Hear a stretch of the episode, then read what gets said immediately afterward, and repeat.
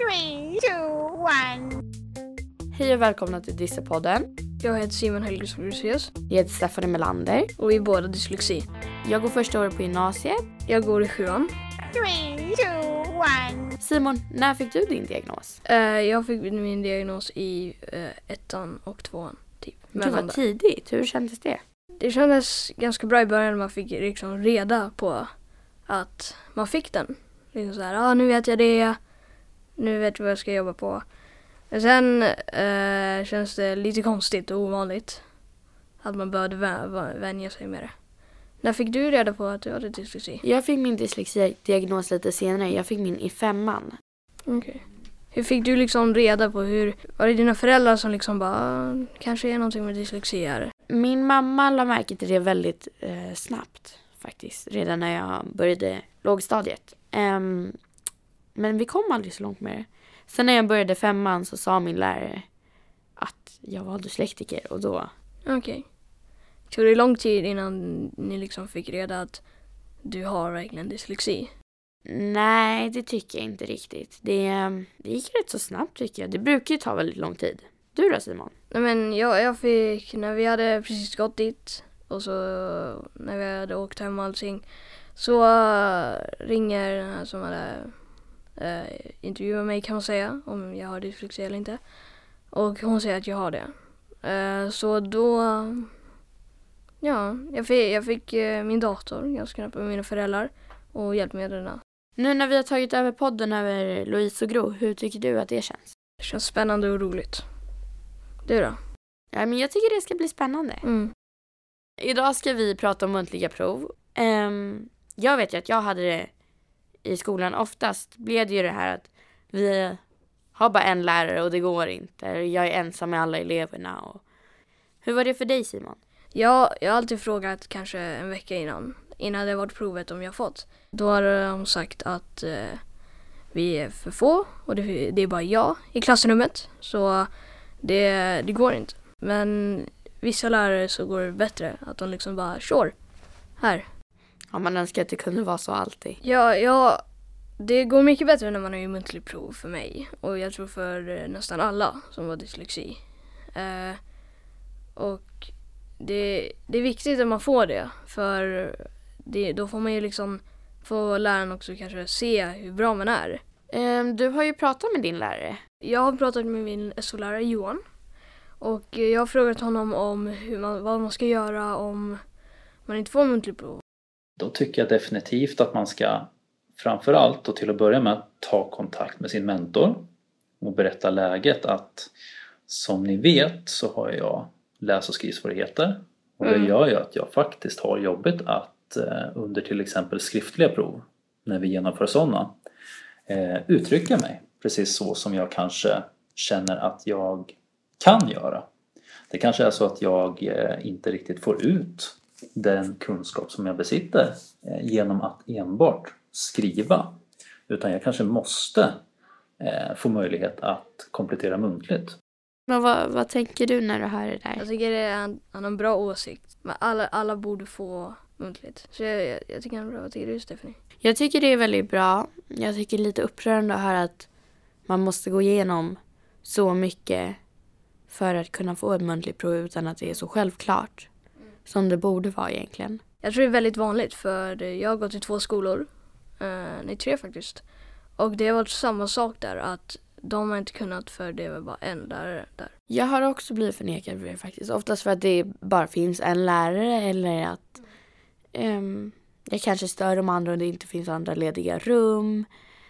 Ehm, eller att Skolverket säger att man inte får och läraren inte tycker att det är en bra idé. Eller att det liksom är, alltid finns ett problem. Mm. Jag... ehm, under nationella proven vet jag att jag gick till rektorn och pratade om det för jag varit väldigt upprörd. Ehm, sen annars har jag, ibland har jag fått skriva för hand faktiskt. För att de verkligen inte vill ge sig. Och att det bara finns en lärare och ibland får man ju komplettera muntligt. Mm. Ehm, du har ju pratat med din lärare. Eh, min eh, lärare Johan, han uh, svarade frågan när jag sa om de inte hade eh, nog med personal. Det tycker jag är bedrövligt eh, om vi ska vara rent krassa. Eh, att ha personalbrist är väl något som många skolor känner igen sig i idag, Mm. tror jag.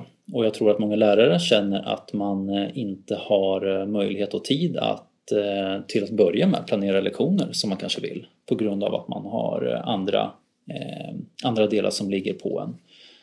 Men det är ju ingen ursäkt att eleven inte ska få den möjlighet och de rättigheter man har. Vad, vad tänker du när du hör det där? Jag, jag tycker att han har, att vad han säger är sant. Att det är, det är inte roligt. Liksom så här att, och det, det är ju mycket nu att det finns mindre lärare och mindre hjälpredare på skolan. Men jag tycker det är lite bara av en ursäkt eh, som används faktiskt. Och inte att det är en anledning till att vi inte får göra det. Mm, för det, det är kanske också så att när man, när, när man kommer till en lärare att man kanske förstör vad de har planerat. Ja, men lite så. Liksom så här, ja, de kanske tänker så här, du ska inte komma in hit och eh, säga liksom så här vad jag ska göra. Att de blir stressade och för, försöker försvara sig själva. Nej, och att det blir mer att de, och att de måste ändra eh, sin planering. Eh, har du känt så att du förstör för läraren någon gång Simon? Nej, faktiskt inte. Det känns mer som läraren förstör för mig. För det är ju jag som ska lära mig.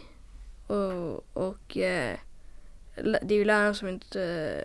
Det är ju hon som, eller han, eh, ska lära mig. Eh, och då tycker jag att även om det kanske är att det är det enda i klassrummet så får de i- eh, andra eleverna kanske vänta. För det går ju kanske bara typ fem minuter så är man klara liksom. Genom muntliga provet. Det går ju väldigt snabbt att göra ett muntligt prov. Exakt. Så jag liksom förstår inte vad problemet direkt är. Varför inte de hjälper oss? Nej. För det är ju direkt ingen ursäkt bara så här. Man kommer in, säger att jag vill ha muntligt. För jag kan inte göra det här annars. Och det är mycket skriva och det är text. Och eh, då kanske läraren säger nej, för jag är den enda. Men det är fortfarande ingen ursäkt. Nej, absolut inte. Det tycker jag inte. Och det, det är en... Um... Alltså jag har ju känt sådär att jag kan förstöra för lärarens planering någon gång. När jag kommer in och eh, sätter... Ändrar reglerna efter mina, hur jag vill ha det. Och hur jag lär mig, hur jag tycker att läraren ska anpassa allting. Och då känner jag att jag kan förstöra för lärarens planering. Men det är någonting som jag tycker att läraren kan ta ibland. Och de borde ta nästan för givet att jag kommer in och säger att jag vill göra det muntligt eller att jag vill skriva på datan. Ehm, istället för att bara ta för givet att jag ska sitta där och ha problemet och ha pennan i handen och inte komma någon vart alls. Mm. Ett problem tycker jag är att läraren borde redan veta att man liksom så här har dyslexi. För alltid när en så här ny lärare kommer till jag på skolan, jag brukar alltid gå fram och säga så här, jag har dyslexi. Jag behöver det där och det där. Men det är inte alla som vågar göra det. Det kanske är ett problem, för då kanske inte läraren vet det och sen direkt då när vi ska ha provet, då kanske någon, då kanske den som inte har sagt det innan, inte vågat, då kanske den säger. Och då är det lite ett problem. Ja, utan jag tycker nog mer också att det blir den här... Det är väldigt lätt för någon som tycker att det är jobbigt att gå fram och säga det till någon. Att det blir att kanske någon kompis lyssnar eller någon kompis står bredvid och då vill man inte säga det. Utan att läraren borde veta det i förhand och, och verkligen hjälpa eleven och ta för givet att okej att den här eleven behöver göra provet muntligt och det får jag se till. Om, om man vet att man är den enda läraren i rummet när liksom så här, det ska bli prov och man vet att det är några som har dyslexi, det är kanske två eller tre stycken eller en. Då tycker jag man borde eh, liksom så här, ja, då behöver ju, då borde man liksom planera kanske läraren, pla, liksom så här, prata med andra eh, lärare liksom bara kan du komma in och, ja, för de, bo, för de borde, de borde ju redan veta det. Ja, men det, det blir ju ofta så att, att det blir ett problem med, med lärarna. Men jag tycker ändå att det är ett problem vi inte borde behöva ta tag i. Utan att det är ett problem som de ska handskas med. Och inte vi, för att det är inte vårat fel att de inte har räknat med det i planeringen. Och att alla andra ska kunna prestera till max och inte vi är inte rättvist. Exakt. Det här var allt för Dissepodden. Jag heter Simon. Jag heter Stephanie. Hej då! Hej då! Kanske ska... Ja, hej då! Jag är young, jag är clever, inte jag är beautiful. Vi som står bakom Dyssepodden är Föräldraföreningen för dyslektiska barn, FDB. FDB hjälper och stöttar barn som har dyslexi. Mer information hittar du på fdb.nu. Dyssepodden produceras av Trapets Media.